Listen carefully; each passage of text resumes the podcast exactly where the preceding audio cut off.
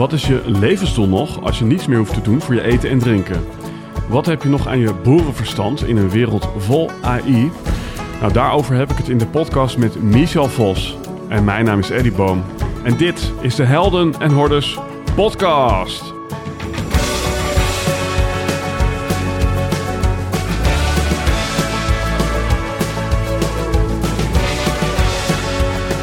Yes, ladies and gentlemen, in gesprek dus met Michel Vos, hè, eindbaas van Meet Helden en Hordes. En we gaan het hebben over AI en over zijn boek en wat deze twee met elkaar te maken hebben. Over AI gesproken. Het wordt steeds makkelijker om content te maken. Het was al steeds makkelijker om ondernemer te worden. En dan denk je misschien, nou hartstikke leuk, maar eigenlijk hartstikke stom voor heel veel ondernemers. Want zometeen ben je 80% van je tijd kwijt aan het maken van posts, die ook nog eens een keer niet meer geliked of gelezen worden. Mede door het algoritme, maar ook door iets anders. En dat andere noem ik buitengewoon binnenkomen. Ondernemers die onvoldoende weten hoe ze hun positie in de markt moeten uitdrukken in het woord. En uit moeten drukken in een propositie die de tand destijds overleeft. Ik moet even denken aan vinyl of aan Harley Davidson of aan de Rolex. Allemaal producten die ondanks nieuwe ontwikkelingen zoals de smartwatch of de Ducati elektrische motor of de Spotify MP3 ja, toch hun bestaansrecht niet alleen wisten te behouden, maar zelfs hun prijs bleken te stijgen. En ja, daarmee dus niet constant mee te innoveren, maar gewoon lekker hun eigen ding te doen. Nou, wil je dat nou ook leren? Ik heb een live programma, omdat ik één op één vol zit, bedacht. En ja, dat vind ik hartstikke tof om te doen. Ik heb bij Christine Pannenbakker voor een groep gestaan en een workshop gegeven. Dat was echt te gek. En dat live-programma houdt in dat ik een kwartaal lang met misschien jou en vier anderen ga werken aan jouw buitengewone belofte.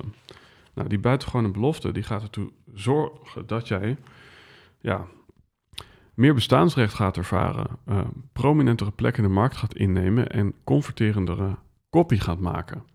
Ik denk niet onbelangrijk, we gaan dan ook echt samen die dingen voor jou maken, omdat we met een klein groepje zijn. Heb je er nou interesse in? Check even de link in de show notes. Buitengewoon binnenkomen live interesse. En dan kom je op een lijst en dan gaan we misschien even mailen of bellen. En misschien word jij een van die mensen, want er staan al 30 mensen nu op de ja, interesselijst, ja, waar, waar ik dat programma mee ga doen. In een heel klein groepje dus. Alright, vandaag dus in gesprek over AI. En uh, dat doe ik met Michel Vos. Wie is nou ook weer Michel Vos? Bekend van de Eindbaas podcast verzamelen de beste technieken en lifehacks voor succes in leven en werk. Het doel? Mensen helpen hun shit voor elkaar te krijgen. Hij put uit zijn ervaring als ondernemer en de mixed martial arts en liet zich inspireren door onder andere Special Forces. Hij brengt zijn inzichten nuchter en met veel humor, maar raakt ook diepere, diepere spirituele inzichten. En zijn bewezen lifecrafting methode helpt jaarlijks duizenden professionals en bedrijven en wordt inmiddels toegepast op verschillende onderwijsinstellingen in Nederland. Ik hou het kort, want het was al te lang, ladies and gentlemen. Michel Vos. Wij zijn hier bijeengekomen in de naam van AI. Ja. Um, zo, dat was een leuke aftrap. Goed um, ik zit hier met Michel Vos. Een tijdje geleden zat ik in de Eindbaas podcast. En toen hadden we al besloten dat er een swap aan zou komen. Mm -hmm. uh, nou, beste luisteraar, bij deze. Uh, ik vind het superleuk om jou hier nu te ontvangen. We gaan het wellicht hebben over het boek Get Your Shit Together, wat er een beetje uitziet alsof het gebruikt is. Ja, gelezen wordt in ieder geval. um, Daarnaast heb ik ook nog, uh, het is alweer een tijdje geleden. Dat is echt alweer twee, drie maanden geleden. En ik heb geen geheugen. Dus ik zeg er maar even bij. Uh, wie dat wel heeft is uh, meneer ChatGPT. Dus dit interview wordt mede mogelijk gemaakt door ChatGPT. Want ik heb vragen voorbereid met ChatGPT. En ik dacht, dat kan eigenlijk bij niemand anders zo goed als bij Michel Vos. Nou, 100% uh, waar. Dat was een bullseye. ik werd direct enthousiast toen hij het zei. dus uh, nee, ja, dat, uh, dat vind ik echt superleuk. Ik ben fan van de laatste technologische ontwikkelingen in de vorm van ChatGPT. Ik ben echt verbaasd over wat ik er zo af en toe uit zie komen. Dus ik vind het echt een fantastisch experiment. Ik ben echt super benieuwd wat hij gegenereerd heeft namelijk. Ja, ja, ja. Um, ik doe nog wel even dit, want daar hebben we nog geen AI voor. ik deed even de microfoon iets dichter bij zijn snuitje. um, ja, uh, er was ook een openingsvraag die door ChatGPT bedacht was. En dat was: je hebt dus een boek, Get Your Shit Together, voor mm -hmm. de luisteraar. Een podcast samen met Wigert Meerman, eindbazen. Dan heb je volgens mij nog 12 Waves. Ja. En dan ben je bij Nutrofit, ben je er, ja, dat heb je volgens mij verkocht. Correct. Ja. Um, hè, dus daar kennen we deze beste man een beetje van. Dat rijmt. Ehm, en de eerste vraag die ChatGPT uh, voor dit interview voor ogen had, dat was: wat is het keerpunt in jouw leven geweest uh, waarop je zoiets dacht van, hmm, ik ga nu ook anderen helpen hun shit voor elkaar te krijgen? Mm, het keerpunt is geweest toen ik zelf ben begonnen met mijn shit voor elkaar te krijgen in de vorm van getting things done. En uh, voor de mensen die het niet kennen, GTD voor short, is een manier hoe je uh, je werk kunt organiseren. En het is uh, heel erg fijn om te doen als je overloopt van het werk, het overzicht kwijt bent. en je zo af en toe afvraagt, jeetje, waar gaat de tijd nou eigenlijk heen en wat ben ik allemaal aan het bereiken? En dat was in een periode dat ik veel te veel hooi op mijn vork had genomen. Ik maakte veel te lange werkweken. Met als gevolg dat ik mezelf een burn-out in had gewerkt. En um, ik begon, nou, eigenlijk in die burn-out, de weg naar eruit, was het werken met dat systeem. Omdat het me mijn overzicht teruggaf. Daardoor kreeg ik rust. Daardoor zag ik weer wat licht aan het eind van de tunnel. Daar kon ik naartoe bewegen. Ik zag, ik zag mijn voortgang, dus dat was heel fijn. En um, ik merkte dat het ook waarde had voor anderen, omdat mensen, kijk, zo gaat dat in een IT-team. Je zit met z'n allen op een uh, grote kamer te werken en het valt op als iemand steeds bepaalde dingen in een bepaalde applicatie aan het doen is. Dus uh, ik had heel veel ineens een applicatie genaamd Do op mijn scherm staan. En daarin organiseerde ik mijn shit. En mijn team merkte ook dat dingen die eerder een beetje tussen wal en schip aan zouden belanden, normaal gesproken, werden ineens super strak opgevolgd door mij. Het was alsof ik alles uh, prima in het snotje had overal. En uh, nou, de, ja, ik had eigenlijk heel weinig gaten meer in mijn spel. Um, en mensen zagen dat. Dat hadden ze door. Dus uh, die had zoiets wat eigenlijk de hele dag in die applicatie aan doen. Want ja, ik heb het ook wel door. Als jij op maandagochtend binnenkomt, dan roep je me bij je. En dan haal je alles wat we hebben afgesproken, haal je uit dat scherm. Wat is dat? Nou, dus dat ben ik op een gegeven moment een paar mensen gaan uitleggen. Die zijn dat ook gaan gebruiken. En dat had een impact op nou hoe het team opereerde. En toen mocht ik daardoor van mijn leuke succesverhalen tussen airquotes is... Mijn directeur was aan het opscheppen over dat resultaat van mij met het team tegen een andere directeur. En uh, toen had die andere directeur van, nou, dat kunnen wij ook wel gebruiken. Misschien moet die een keer bij ons zo'n training komen geven. En dat heb ik gedaan. En dan mocht ik toen een factuur voor sturen. En uh, dat was niet zozeer het moment waarop ik dacht, oh, dit is leuk, hier moet ik anderen mee helpen. Um, dat kwam daarna pas, want door dat succes kon ik een aantal uh, mensen die ook een burn-out profiel hadden, mocht ik gaan begeleiden. En een van de dingen die ik daar direct in heb afgesproken is, dat vind ik goed, maar ik wil dat op zijn minst de helft van het programma ook iets fysieks is, want dat heeft ook mij heel erg geholpen in mijn herstel. En in de combinatie van uh, mensen hun werk laten organiseren en hun fysiek herstel op laten pakken, zag ik zoveel impact bij die mensen. Um, hun, leven verander, hun leven veranderde letterlijk van nacht naar dag vaak. Ja. Ze kregen weer uitzicht, ze hadden er weer zin in. Uh, dat merkten ze in alle facetten van hun leven, merkten ze dat ineens terug. Weet je wel, van carrière tot romantisch. Uh, dus uh, ik heb ineens gasten helemaal zien opbloeien. En nou, ik moet zeggen, dat is wel echt een heel mooi gevoel om, om daar een bijdrage aan geleverd te hebben. Ja. en daar kwam een soort gratificatie weg die ik eigenlijk nog niet eerder had ervaren. Omdat mijn werk dat eigenlijk, ja, dat wel wat coachingselementjes in zich. Maar dat was eigenlijk alleen maar gericht op meer productiviteit uit je teamleden halen. Als dat dat echt was om iemand uit de shit te helpen. Ja. En uh, nou, dat een paar keer gedaan hebbende, uh, dat voelde wel echt goed als je dan s'avonds thuis op de bank zat met je bordje eten. dacht je, ah, oh, toch wel echt iets ja, gedaan ja. met waarde vandaag. Dus. Ja, wat maakte, hè, en dan gaan we even de psychologie even eerst in, dat jij onverzadigbaar was in de hoeveelheid werk die je op je nam? Mm. nature nurture. Als je kijkt naar nature, seksuele selectie. Ik heb een heleboel evolutionair psychologen gesproken. Ja, waarom maak je carrière? Indruk maken op het geslacht waar je op valt. Ja. Dus, dus als je kijkt naar de echte worm in de kern van de appel, dan is dat het. Aan de andere kant, als je kijkt meer naar de nurture kant. Ik heb voorbeelden gehad in mijn uh, opvoeding dat hard werken gewoon belangrijk was. Mm -hmm. uh, en dat je je moet carrière maken. Zo. Dus het, het geëikte plaatje van je gaat een goede opleiding doen, dan krijg je een mooie baan. In die baan ga je stinkende best doen, dan dobbel je naar de top. Uh, en dat is, het, uh, dat is belangrijk in het leven. Ja. Nou, en dat heb ik uh, bij mijn vader bijvoorbeeld, die, was, die werkte bij politie. en die vond het ook belangrijk om daar gewoon zijn bijdrage te leveren. En nou, daar is een bepaalde werkethos, denk ik, op mij geïmprint. Vanuit, ja, ja, vanuit ja, dat ja. En wat maakte dat het systeem, hè, het systeem niet op zichzelf ook weer een to-doetje werd? Want, Ehm, want, want dat kan ook heel rigide en gevangen zijn. Nou, je benoemt nu denk ik wel een van de grootste valkuilen van het systeemwerk. Ja. Wat ik altijd zeg, een workflow is geen doel op zich. Het is een manier om je doelen te behalen. En eh, zodra je merkt dat je stress gaat hebben omdat je een lijstje niet 100% accuraat hebt ingevuld, eh, dan schiet het zijn doel voorbij. Ja, That's it. En dat moet je realiseren.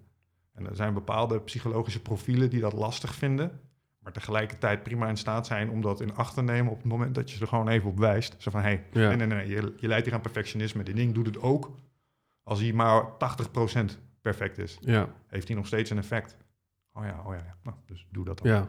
Ja, en, en heb jij daar voor jezelf een specifieke benadering voor? Om, om te voorkomen dat, ja, dat je in een soort game-achtige omgeving belandt... waarin je alleen maar wil gaan level-uppen op de Mm, meest efficiënt, effectieve manier? Ik denk dat ik geluk heb gehad dat ik de 4-Hour Body redelijk vroeg heb gelezen in mijn persoonlijke ontwikkeling. Eh 4-Hour Body gaat eigenlijk over minimal effective dose denken. En, en dat zegt basically zoveel als er is een bepaalde hoeveelheid effort die nodig is om een resultaat te bereiken. Doe alleen dat. Ja, En, en de rest is overkill.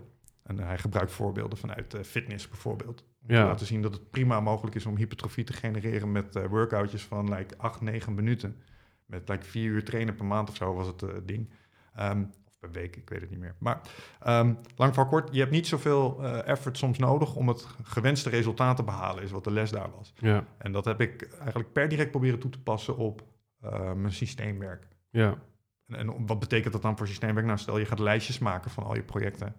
Dan kan er een neiging zijn, ja, dan moet alles erop staan, anders is het geen goed systeem. Nou, hier is het ding, als staan maar 80% van je projecten erop, dan heeft het al een effect wat echt waarneembaar is. ja, Dus eh, perfect om naar de 100% toe te werken, maar niet eh, stress ervaren als het nog niet 100% is, want het doet al iets moois.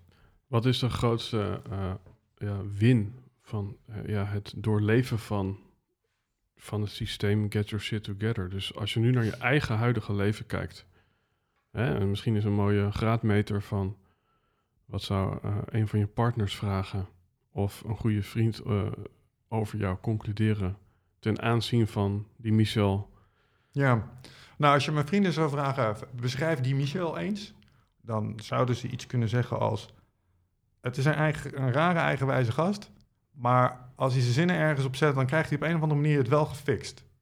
Dus ehm, wat is de grootste benefit van het doorleven van eh, een, een workflow als Get Your Together? Is dat het eh, de maakbaarheid van het leven vergroot. En laten we hem vooropstellen, het leven is niet 100% maakbaar. Daar ben ik eh, direct mee eens.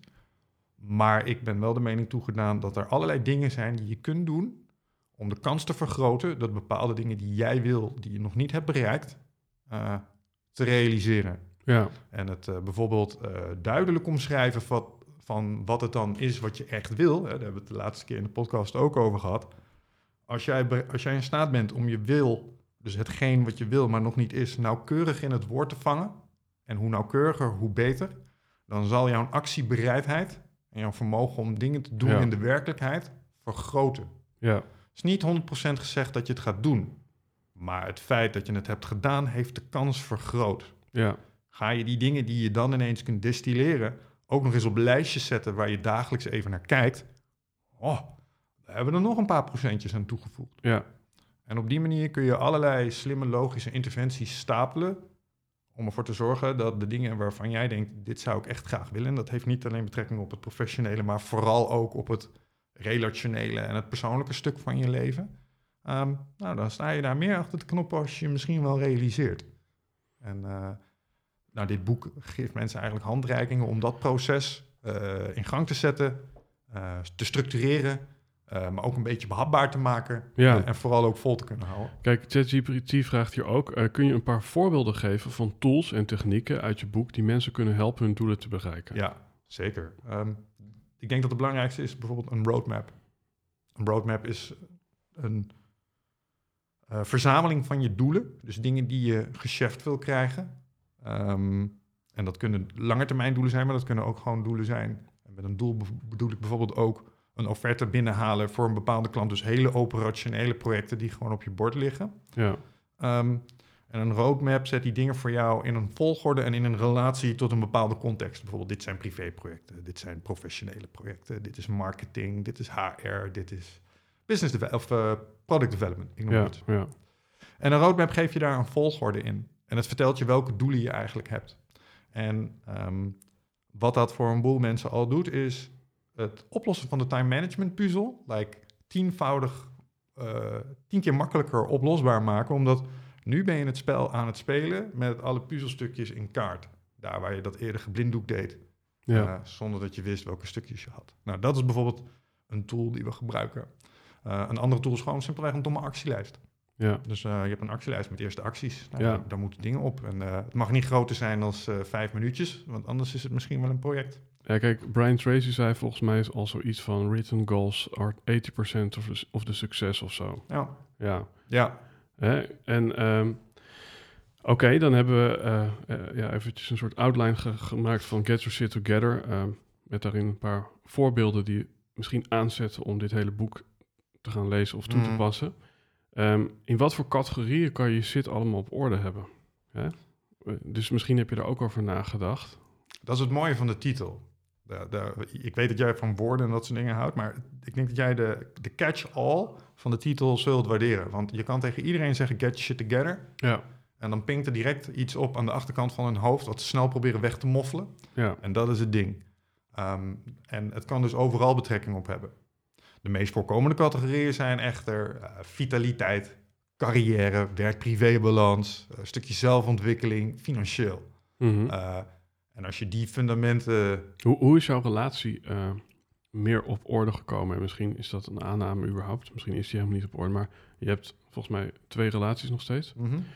Hè? Dus je, je hebt twee partners. En nou, dat, dat is dan, hè, als je puur kijkt naar de statistieken en weet ik wat allemaal nog meer dan. Hè, ik, ik hoef het niet een hele aflevering eraan te wijden, don't worry. Maar gewoon puur van, los van of het polyamoreus is of één partner. Maar ja, jij bent in staat om al lang die relatie eh, eh, te laten werken. Mhm. Hè? Dus, dus welk element uit dit boek eh, ja, kan er gekoppeld worden aan het feit dat die relaties beide al lang stand houden? Mm, In de absolute kern de vier overeenkomsten die ik ook omschrijf in het boek. En die heb ik geleerd van een shamaan gedaan, Don José Ruiz. Ik heb zijn zoon ook geïnterviewd. De podcast is eh, bij ons beschikbaar en daar hebben we het ook over de vier overeenkomsten. En de vier overeenkomsten zijn een viertal afspraken die je met jezelf kunt maken over hoe je in het leven staat. En volgens de totteken, oude totteken, is dat de manier naar een spiritueel krijger zijn. Wat dat dan ook mogen betekenen, maar voor hun betekent dat de strijd met de parasiet aangaan. En de parasiet is dat stemmetje dat je altijd weg probeert te lokken van dat ding wat nobel is. Dan begrijpt iedereen intuïtief wel een beetje wat je daarmee bedoelt. En, de vier en die vier regels zijn als volgt. De eerste is, wees onberispelijk met je woord. En ik denk dat die het allerbelangrijkste is geweest in het tot stand komen van deze situatie. Omdat ik uiteindelijk gewoon voor mezelf heb benoemd... hé hey man, ik ben niet monogaam gebouwd. is me nog nooit gelukt. Ja. Ik moet het anders gaan oplossen. Want ik hou wel van structureel en duurzaam... maar ik wil dat in openheid doen, want ik wil niet meer liegen. Ja. Omdat liegen funest is. Je hebt daar ook ooit een mooie uitspraak over gedaan. Van er zijn twee soorten mensen. Eén mensen die pissen eh, onder de douche. En wat was Jan ook weer? Mensen die liegen. Ja, en dat is... daar, daar zit hij eigenlijk, hè? Ja, en ik denk dat een, ehm, een heleboel mensen best wel worstelen met monogamie. Alleen het is een, eh, eh, een culturele norm hier in het Westen.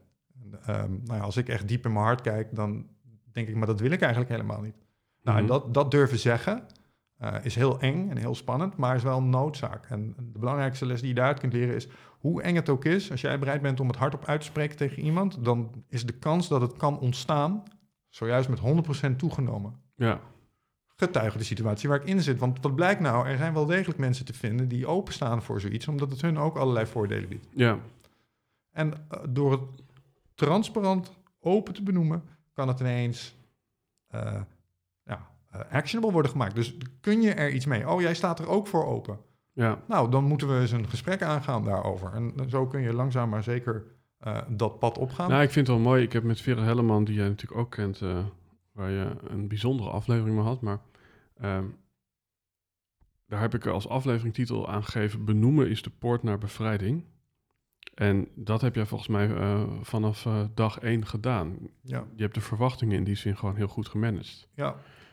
Tegelijkertijd, hè, dat is misschien ook weer een psychologische vraag, maar in hoeverre ja, is het ja, de Michel die gewoon zo is? Hè? Dat, je, dat je niet uh, monogaam uh, kon zijn. Mm -hmm. En in hoeverre is er ook sprake van ja, toch iets onopgelost in jezelf, uh, waardoor je misschien geen full commitment op, op één ding aan kon gaan. Ja. Want je bent ook serial entrepreneur, hè? dus Mhm. er is in jou iets van een, van een soort multiplier of een ja, verdeelde aandacht. Ja. Oké, als we de traumakant op neigen, zeg maar. Ik heb toevallig uh, recentelijk een aantal uh, podcasts opgenomen met mensen die uh, diep in het trauma zitten. Jan Bommeré onder andere, maar tof, ook Maarten ja. Reinier over voorouderlijk trauma. en als je die mensen hun gedachtegang volgt, dan zou dit een uiting kunnen zijn van iets wat mij in mijn vormende jaren, zeg maar, heeft getraumatiseerd. Uh, ergens in mijn kindertijd, uh, waardoor mama me misschien een paar keer niet op tijd heeft opgepakt of zo. En Ja, waardoor ja. ik een soort hechtings zou kunnen. Um, aan de andere kant, ik neig meer richting de evolutionair psychologische kant. Namelijk, uh, we zijn biologische entiteiten, maar we zijn in een soort cultureel keurslijf gedrukt. En als je teruggaat naar onze savanneperiode, waren we naar alle waarschijnlijkheid een stuk polyamoreuzer als dat we nu zijn. En uh, ik denk dat ik in dat opzicht gewoon mijn biologische template iets meer durf te volgen uh, als de gemiddelde man. En waarom waren we dat in die tijd? Ik uh, denk dat het biologisch allerlei voordelen heeft als je polyamoreus bent. Als het Ja. gaat om het verspreiden van de genenpool tot gedraagde zorg van de groep. Dus we nemen nu ineens allemaal zorg voor de kinderen. Ja, Um, ik denk dat, het, dat dat ook een ding is. ja nee, ik vind het interessant als je erover nadenkt van... Het, is eigenlijk uh, niet voor niets een spreekwoord van... Uh, je moet niet op één paard wedden. En, en ja, hè, zeker in, in, de, in de oertijd waarin mensen misschien makkelijker uh, ja, konden overlijden... is het niet heel erg verstandig om op één iemand te wedden. Nee, en kijk, het is ook tegenwoordig zijn dat misschien stukjes vergeten feitelijkheden. Maar kijk, er is een reden waarom mannen op bepaalde vrouwen vallen. Dat heeft iets te maken met de symmetrie van het gezicht, uh, de breedte van de heupen, de omvang van de boezem. Uh, dat zijn allemaal indicatoren van bepaalde hoeveelheden oestrogeen die je wel of niet in je lijf hebt. Wat iets vertelt over je vermogen tot voortplanting. Mm -hmm. En, en dat beïnvloedt mijn stemming uh, gunstig of, of, negatief. Maar, en dat wil niet zeggen dat als je niet aan die criteria voldoet, dat je niet mooi kunt zijn. Dat, bedoel, dat is allemaal iets anders. Maar het zijn wel onmiskenbaar elementen in uh, seksuele selectie. En uh, dat is gewoon een onderdeel van je biologie. Die systemen zijn er gewoon. Als je een bloedmooie vrouw en een groep met mannen neerzet, worden we allemaal collectief 10 IQ-punten dommer. Mm -hmm. gewoon, we kunnen gewoon iets minder goed nadenken. Er is gewoon onderzoek naar gedaan. Dus uh, ons uh, probleemoplossend en cognitief vermogen wordt sterk aangetast zodra er iets komt waarvan we denken, daar willen we mee voortplanten. Ja. Worden we allemaal iets basaler. Dat herkent elke vent. En ja, die biologie is er ook. En uh, wat nou als het volkomen mogelijk is om, hand, om dat hand in hand te laten gaan? Nou, dat kun je dus benoemen. Daar kun je afspraken over maken. Is het ineens ethische non-monogamie? Nou, en dan voel je je beter. Ja. Nou, klasse. nou ja, goed. Het, het even een klein zijspoortje, maar zo rollen we toch langzaam volgens het script van de AI door. ChatGPT die heeft het goed gedaan, volgens nog. Yes, want er staat hier ook, hè, dan gaan we langzaam de verdieping ook in. Uh, ja, je hebt de live crafting methode ontwikkeld. Kun je daar even kort beeld en geluid bij geven? Dat is eigenlijk het boek Get Your Shit Together. Ja. Dus uh, het boek is uh, de live crafting, het live crafting protocol zijn 42 stappen. Um, die ik bij elkaar heb gepuzzeld in de podcast, uh, de literatuurstudies en het leven zelf. En um, wat het doet is mensen door de stappen van het doelen stellen heen trekken. Het implementeren van een basissysteem in de vorm van een workflow. Het leert mensen iets over het werken in incrementen. Minstens even belangrijk als inspanning is rust, omdat alleen in rust reflectie kan plaatsvinden. Um, het leert mensen iets over mindset, mensen om je heen organiseren en uh, ja, het optimaliseren van je mentale en fysieke energie. Dus, uh, ja, want, want uh, onze beste vriend heeft daar ook nog iets aan toegevoegd. En dat is namelijk van, ja, hoe blijft dit toepasbaar voor mensen met verschillende achtergronden en doelen? Hoe blijft dit toepasbaar voor... Vers- Nou ja, Dus ik ben bijvoorbeeld totaal anders gewired dan jij. ja. Hè? Dus, dus hè, we, we horen Richard Telet van eh, het grootste probleem in de gezondheidszorg van de afgelopen tien jaar is dat iedereen behandeld werd alsof die schoenmaat 42 had. Ja. Eh, in hoeverre is dit boek een soort schoenmaat 42? Mm, nou, niet, omdat het eerste wat we je vertellen in het boek is: probeer vooral niet alles tegelijk in één keer te implementeren. Want niet alles is relevant voor je. Ja. Dus ehm, afhankelijk van eh, wat je nodig hebt op dit moment, zitten er dingen voor je in. En die, want het is een toolkit. Ik heb nog nooit iemand met alle stukken eh, gereedschap tegelijk uit zijn eh, toolkit iets in elkaar zien zetten. Snap je? Dus Is, is dit boek daarmee ook niet echt een chronologie? Kan ik hem ook als een soort cursus van wonderen openslaan? Exact. Ja, exact. ja, ja. Sterker nog, we hebben een kleine wizard online die je helpt bij, om in te stappen op de juiste stap die op dat moment voor jou relevant is. Ja, Dus ehm, in zoverre is het niet een one size fits all. Maar ik geloof tegelijkertijd wel dat die basisprincipes die ik zojuist benoemde, voor iedereen relevant zijn. En je krijgt mij niet uitgelegd, echt niet aan het verstand gepeuterd, dat jij anders in elkaar zit, dat doelen stellen voor jou niet werkt. Dat werkt ook voor jou. Dat werkt voor jou de hele dag Ja, door. ja. Dat ben je non-stop aan het doen. Want anders zou je geen eten in huis krijgen namelijk. Dus die principes die werken wel eh, tegelijkertijd voor iedereen. Ik, ik kom uit de vechtsport. En wat ik wel eens zeg is, als zeg maar time management eh, het, het oplossen van het probleem van een tegenstander verslaan zou zijn, dan is dit het MMA van alles wat daarmee te maken heeft. Het zijn alleen die dingen die het wel echt doen. Eh, want er is in de vechtsport natuurlijk ook een boel beschikbaar wat beperkt effectief is in het echt. Ehm, maar we hebben wel echt geprobeerd die dingen eraan toe te voegen. in, Eh, ja, in hoeverre is dit boek zeg maar een soort van... als alles goed gaat, dan is dit het plan. Dus anders gezegd, er komen misschien ook juist bij deze methode obstakels kijken. Hè? Dus mm, dan zou eh, onze vriend van ChatGPT vragen... welke veel voorkomende obstakels bij het implementeren van de methode... eh, zijn er en hoe ga je daar dan mee om? Hè? Ja. Dus, dus de, de uitzondering op de regel. Nou, dus dat hebben we er straks al even benoemd, hè? Dat is eh, de completionist. Dus zo, nu moet hij worden de geïmplementeerd en dan moet hij ook... 80-20, Ja, exact. Ja, En dan is de tweede grootste is Big Bang implementatie. Dus, oh, 42 stappen, gaan we allemaal in één keer tegelijk gaan we die implementeren. ja, Eh, en dat is, dat benoemen we ook in het boek, een van de makkelijkste valkuilen. Vooral omdat als je in het begin, als je ermee bezig gaat, dan, dan sorteert het effect. Dan denk je, oh, dit, oh wauw, dit is echt lekker man, ik wil hier meer van. En dan is het even waakzaam zijn voor rupsje nooit genoeg. eh, want gewoontes moeten worden geïnternaliseerd. En eh, we proberen mensen aan, een manier aan te reiken om dat over de loop der tijd in te laten slijten. Zo hebben we bijvoorbeeld iets dat heet een, eh, een minddump. Dat betekent eh, geen dingen in je hoofd vasthouden. Zo snel mogelijk op een plekje zetten dat je vertrouwt. App het jezelf of mail het jezelf. Gewoon dat. En begin nou eens daar. Doe dat Mhm. gewoon eens bijvoorbeeld 66 dagen achter elkaar. Zodat je daar niet meer over hoeft na te denken elke keer. Doe je gewoon automatisch. Nou, perfect. Als je dat in je donder hebt, dan kunnen we er iets aan gaan toevoegen. En dan eh, kan je uit je boek zelf kiezen wat dat dan is. Maar probeer het vooral niet allemaal tegelijk te willen doen. Eh, dat merk je heel sterk bij mensen. want je, je hebt natuurlijk ook eh, David Allen geïnterviewd, Getting Things Done. Hoe verhoudt dit boek zich tot Getting Things Done?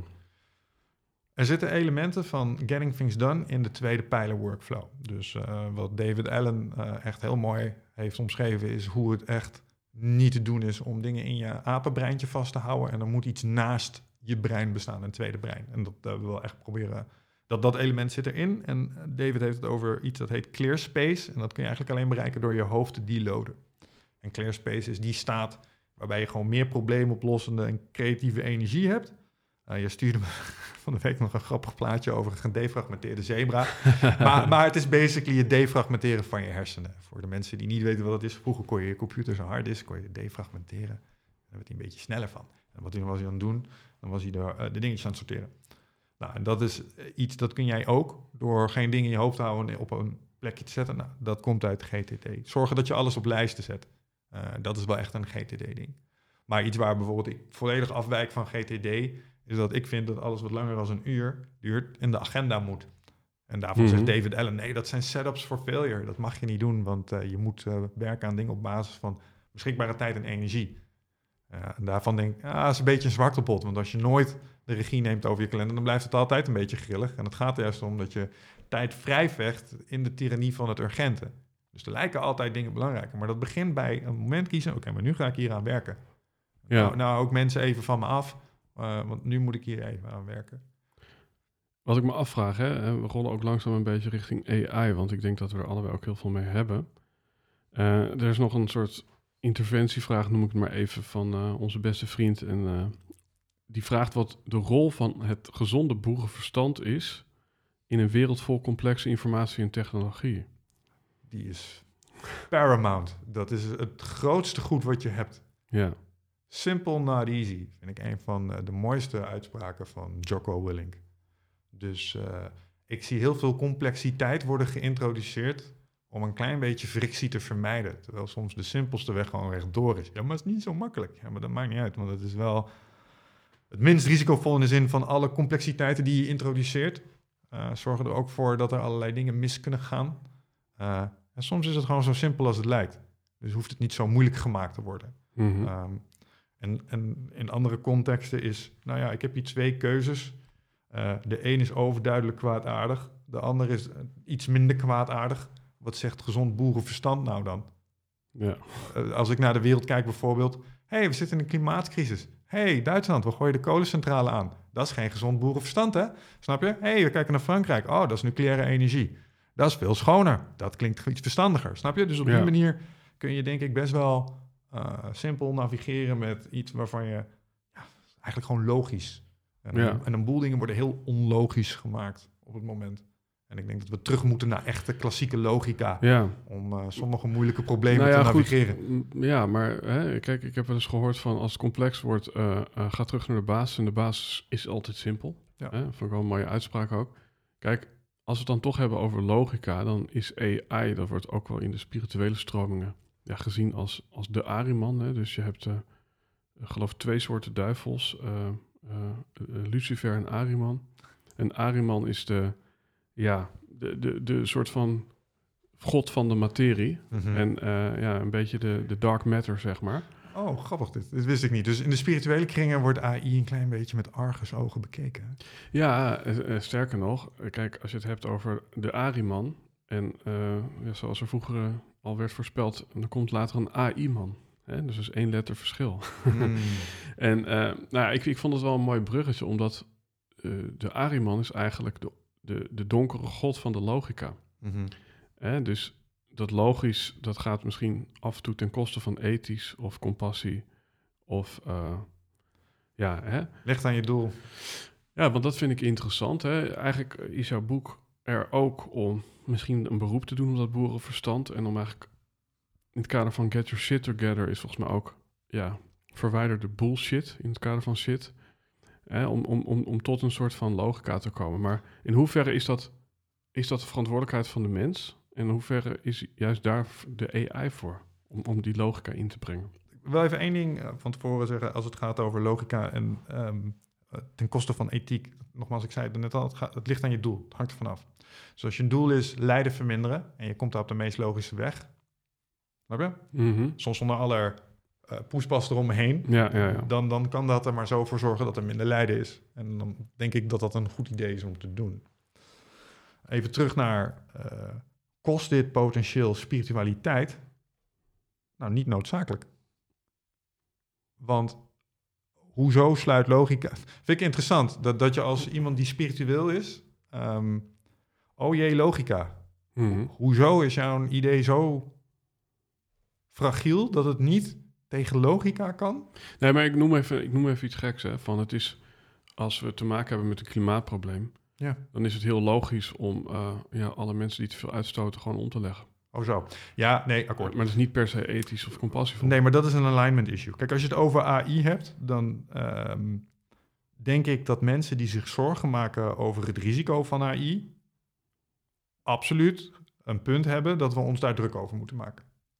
Het geëikte voorbeeld, als het gaat om het gevaar van AI, kun je het beste uitleggen met de von Neumann paperclipmachine. Ken je dat voorbeeld? Nee, Oké. on. Nou, stel, je voor- stel je voor, ik eh, ben een eh, paperclipfabrikant. En eh, ik denk, ah, die AI, dat is handig. Weet je wat ik ga doen? Ik ga een robotje maken. En tegen die robot zeg ik, jouw doel is maximaal aantal paperclips maken per uur. Verder niets. Ja, Nou, als je een mens bent, dan denk je, oké, dat ding gaat paperclips maken.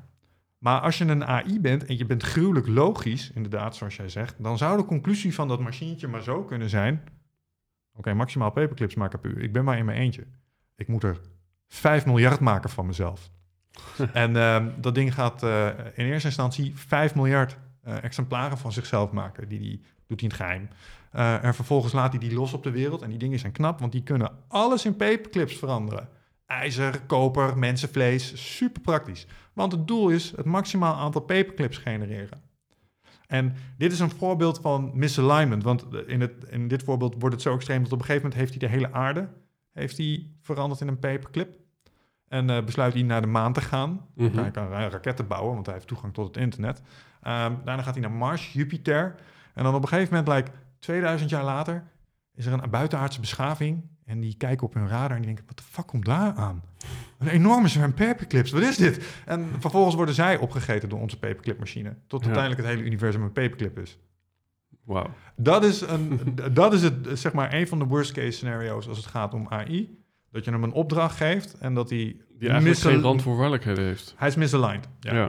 En eh, waar ze nu heel druk mee zijn bij die bedrijven, en dit is waarom je, eh, we leven nu eh, anno mei 2023 of juni, terwijl we het hierover hebben, maar eh, twee dagen geleden is er weer een call eh, voor AI-regulatie uitgegaan van de grote jongens, OpenAI, Google, Ja. ehm, van hey, reguleer dit, want existential risk. Ja. Ehm, op een manier die we niet kunnen eh, voorspellen misschien. Omdat AI straks, en en dat, daar hadden we het in de prep ook al even kort over. Ik denk dat onvoldoende mensen realiseren dat als dit ding zich zou ontwikkelen tot een AGI, wat dat betekent. Omdat ze niet... ja, want even voor de luisteraar was een AGI. Eh, dat is een eh, Artificial General Intelligence. Jij bent een AGI, ik ben een AGI. Wij, wij kunnen naar de werkelijkheid kijken en denken, oh, dit is hoe dat ding werkt. Als ik op deze knopjes druk, doet dat iets. En voorheen waren onze AI's narrow. Dus dat waren hele specifieke dingetjes. Geef mij algoritme, geef mij content eh, op basis van wat deze meneer eerder heeft geliked of gedisliked. Of waar hij het snelst langs heen scrolt. Dat is hoe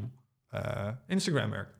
Nou, dat, dat was heel narrow. Maar nu worden ze steeds slimmer. En tools als ChatGPT kunnen nu in samenwerking met andere AI's ineens applicaties bedienen. Ou- output genereren. Die output bekijken. eh, Tegen het grotere doel aanhouden. En zeggen: nee, dit is niet goed, ik wil iets anders. En zo iets bouwen. Maar op een tempo dat zo fenomenaal veel sneller is als jij en ik kunnen denken. Kijk, zij maken iteraties in microsecondes. Mhm. Jij en ik in minuten. En dat is het grote verschil. Dus dat is een, een aantal van de dingen die, onvoors- die het onvoorspelbaar maken. Ja. Want als zo'n ding echt slimmer wordt als jij en ik. eh, Je hebt geen idee hoe het is om in een kamer te zitten met iets wat echt gelijk duizend keer slimmer is als jij. Dat, dat, dat zou heel beangstigend moeten zijn ergens.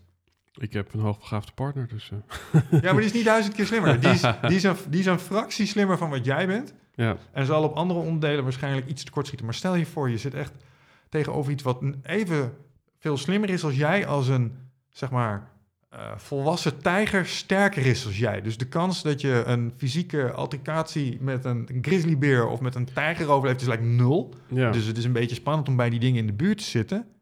En stel je voor dat je zoiets tegenover je hebt zitten dat zo slim is, zoals zo'n tijger sterker is als jij. Zoveel. Dat is geen gelijke... Ik ga even een klein stapje terug, hè, want we gaan hierop door. Maar hè, je, ik, ik zeg net als voorbeeld eh, hoogbegaafde partner. Ja, en dan zal ze op andere facetten iets tekort schieten. Is dat, is dat een gegeven wat jou betreft? Dat de hoogbegaafdheid indampt op andere terreinen? Of, Nou ja, of bedoel je meer een misschien is dat, is dat een generalisatie, maar ja, als ik eh, het voorbeeld A Beautiful Mind neem, ja, eh, dan, de- dan demonstreren ze wel dat superhoog intellect ja. op de ene is niet, kant. het is niet makkelijk om hoogbegaafd te zijn. Nee, exact. Dus eh, wat, je er kan inboeten is bijvoorbeeld, ehm, nou misschien vind je sommige sociale interacties wel iets spannender, omdat je veel beter in staat bent om alle valkuilen van tevoren te identificeren. Ik noem maar iets. Ja, waardoor de kwaliteit van je leven aan die kant een klein beetje ge- geremd wordt of zo. Dus dat is. nou ja, er zij is wel iemand die, die in staat is om gewoon inderdaad meteen door je heen te kijken. En dat geeft toch een soort gevoel van... Ja. Ja, Nou, vermenigvuldig dat dan met Ja, eh, ja. 2000 of zo. Ja, ja, nee, ja, kijk, eh dat is een liedje van Jet Rebel, You Know Me Better Than I Know Myself. Ja, maar, precies. En, en, en, en daar zit natuurlijk een beetje, En, en dat is een hele goeie, want dit ding kent ook je internetgeschiedenis. ja, ja, precies. Denk daar maar eens over na. Nou ja, het is, eh, het, het is eh, met Paul Smit heb je ook gesproken. Er is inderdaad volgens mij zo'n applicatie die heet eh, Replica. Heb je daar wel eens van gehoord? Het kietelt wel iets. Eh, replica is eigenlijk dat er hier fysiek een vrouw in de kamer zit. En nou ja, die, er zit een gator op in het kader van AI. Ah, dus, oké. eh, ehm, Mi- Miso wou wat drinken en hij wou dat niet op de microfoon, maar dat komt niet op de microfoon, want dat is een gator. Oké, Ehm, maar Replica is dus een vrouw die zit in de kamer en daar kan je mee interacteren. En dan krijgt ze net zoals ChatGPT gegevens en dan gaat ze op een gegeven moment... En dan ga je vragen, wil je dit of dat aantrekken, want dat vind ik mooier. Mhm. en, en dat kan je gewoon via je camera, kan je haar zien zitten op de bank.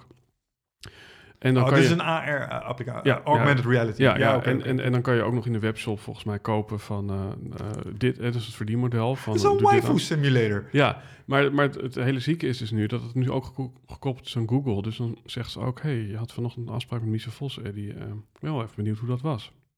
Is dat ziek of is dat eh nou ja, maar, maar, maar dat is dus die internetgeschiedenis, weet je wel. En, en, en dan krijg je dus ook interacties die gewoon ja, bijna holistisch zijn. Hè? En, en dat vind ik ook interessant van, oké, dat AI zegt dus van, het, het mist, dat zegt AI zelf van, het mist de compassie en de empathie. Maar ik denk, is dat wel helemaal waar? Oké, er zijn drie dingen die je AI niet moet leren volgens alle science fiction.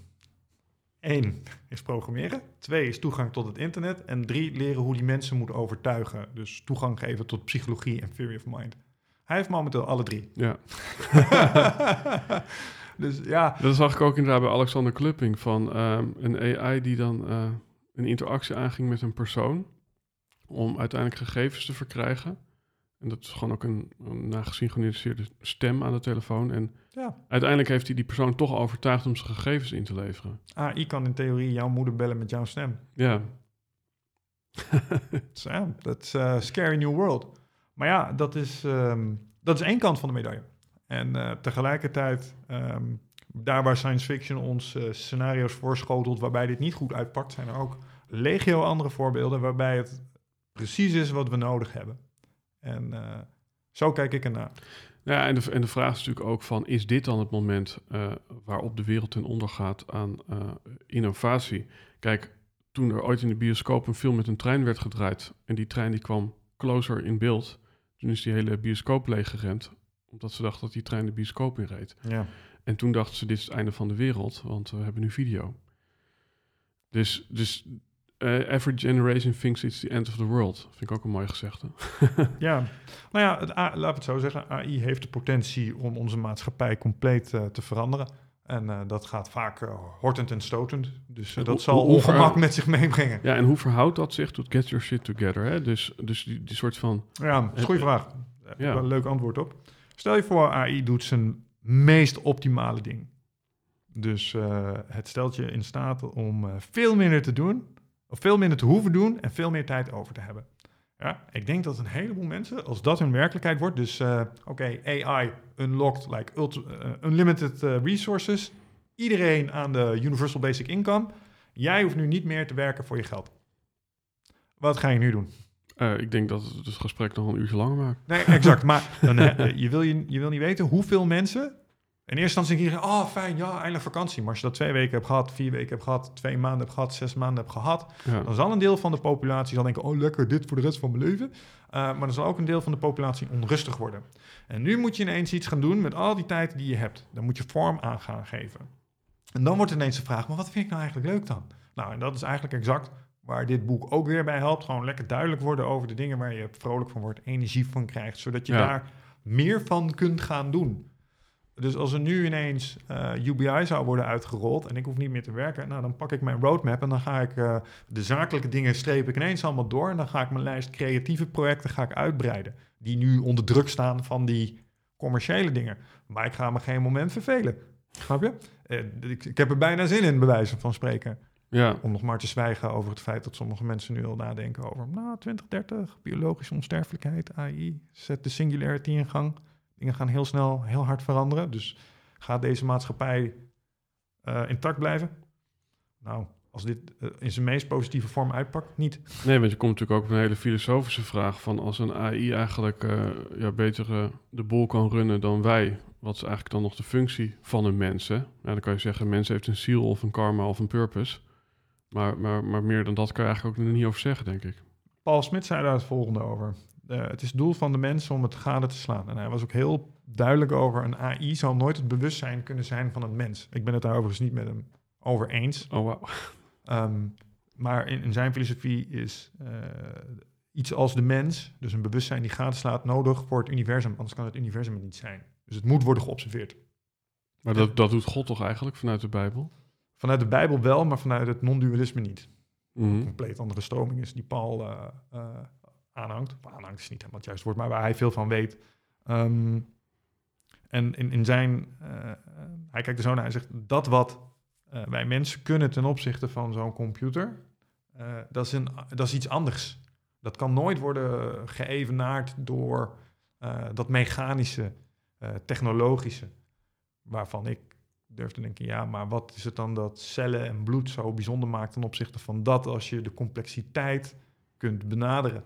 Mhm. Dus als dat ding ook neuronen gaat gebruiken, zoals wij dat kunnen alleen, of we bouwen nieuwe cellen, een soort van biologische, technologische, hybride dingen, en we emuleren een brein zo dicht mogelijk. Hoezo zouden we dat niet kunnen? Nou, Ja. dat, dat was een interessante Nou ja, kijk, discussie. kijk, kijk, kijk hè, non-dualisme heeft het ook vaak over een radio, waarin je, als je op de juiste manier, manier afstemt, dan komt er een bepaalde zender. Ja. En kijk, je kan natuurlijk zeggen, eh, een mens, dat is gewoon een, een, een radio die rondwandelt, die op een bepaalde zender afgestemd staat. En op welke zender staat AI dan afgestemd, als je snapt wat ik bedoel. ja, dat is een... En dan eh, heb je toch dus over een soort god of een soort... Het woord inspiratie, eh, dat, dat, dat, dat is volgens mij vrij vertaald eh, de, de, de, de goddelijke... eh, ja, eh, hoe noem je dat?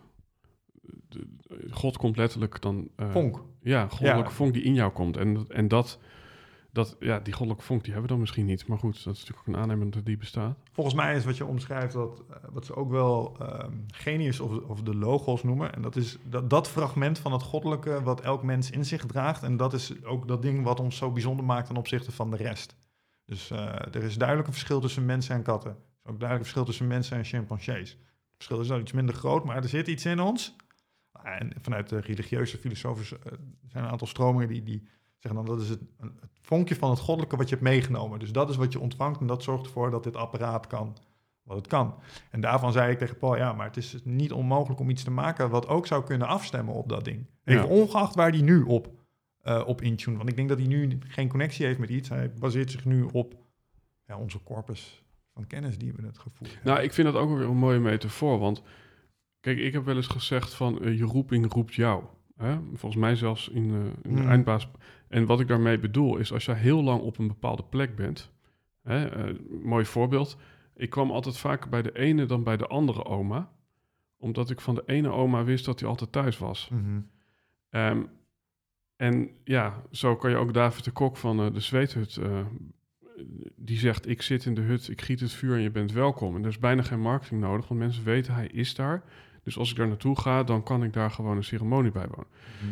En, en dus bijna van als jij maar lang genoeg een positie inneemt, eh, ergens voor staat, eh, ja, ergens eh, een bijdrage oplevert, dan komt er op een gegeven moment een soort van, ja, of dat nou spiritueel is of praktisch, komt er iets naar binnen van, oké, dan ben jij de chosen one. Je omschreef zojuist een jaren tachtig film, If you build it, they will come. Ken je die? Nee, want Het is een film over, ja, nou, het is een- is een film over honkbal. Waarbij een paar mensen de ingeving krijgen: we moeten een honkbalveld bouwen in dit maisveld. Ja, waarom dan? Niemand wil je honkballen. Ja, we moeten het wel doen. En dan, en dan doen ze dat en dan komt er uiteindelijk een soort eh, softbalteam. Dat zijn ghost players, die komen dan op dat veld spelen. Maar dat was een soort divine inspiration. Dus, en, en de les is, dat denk ik ook wel eens aan als ik eh, nieuwe dingen onderneem. If you build it, they will come. Dus met Ja. net, net wat je zegt, zet het neer, zorg dat het er is. Ja, En dan, eh, als het goed is, inderdaad, zal er een soort straal uit de hemel op neer dalen, een crepuscular ray. En dan eh, zal het in de, in de spotlight komen en dan zullen Ja. mensen er naartoe trekken. ja, mooi. Ja, dat Ja, geloof ik wel. En het grappige is dus dat ook dit gedachtegoed, want ik heb daar nooit een boek over gelezen. eh, dit gebeurt iedere aflevering. Dat is, dus. is een test om te kijken hoe ze reageren. Ja. Ehm, ja, ik denk echt, dat wordt een soort van nieuwe gimmick. Want in voorgaande afleveringen stonden er altijd allemaal een soort Joe Rogan-achtige knuffels en, en Ja. Dragon Ball Z-poppetjes. En nu stort altijd het decor in. Dus, nou, dus, ehm, Dit betekent dat we over de helft zijn en dat we moeten gaan afronden. Ja. maar eh, ja, ik, ik dacht dus ook van, oké, dus dat gedachtegoed wat ik net beschrijf, wat jij dus eigenlijk als een soort van synchroniciteit zegt, ja, dat is al uit, uitgevonden in de jaren Mhm. tachtig, dat heet zo. Toen dacht ik, ja, maar hoe kom ik er dan aan? Ja, ik- zou Tibor zeggen, als je maar lang genoeg gaat posten over een bepaald vakgebied, dan creëer je op een gegeven moment ehm, ja, eh, een soort thought leadership op dat vakgebied, omdat jij degene bent die er het meest over na heeft gedacht. Hè, dus- Mits je je huiswerk doet. Dus eh, je kan niet eh, klakkeloos wandtegelwijsheden gaan posten en er dan maar van uitgaan dat je autoriteitschap wel zal toenemen. Ja, misschien ogenschijnlijk. Maar die bubbel wordt snel genoeg doorgeprikt op het moment dat je natuurlijk echt iets moet gaan leveren. ja, Dus ik, ik geloof dat voor een deel. Ehm, maar het pleit je niet vrij van je huiswerk. nee. Ehm, dus, Hoewel ik eh, ook niet verwacht dat Tibor dat zal, eh, zal, zou uitdragen. Maar Nee, maar ik vind het wel een mooie gedachte dat als je dus geen klant hebt, dan kan je maar beter heel veel marketing doen, want dan blijf je wel in contact met je vakgebied. In de zin van content marketing. Dus nadenken, lezen over je vakgebied, daarover gaan schrijven. het is mijn stelligste overtuiging dat als mensen marketing doen, dat ze business nodig hebben. Ja, Als ik naar mezelf kijk, wanneer post ik? Als ik er wat te slijten heb, ja. Koop mijn. Ja, ja Jo- Jo- Jos, Burg- Jos Burgers die zegt daarover eh, van ja, eh, als je een goede business hebt, heb je geen marketing nodig. Dat is misschien ook een beetje black and white, maar Maar er zit wel iets in.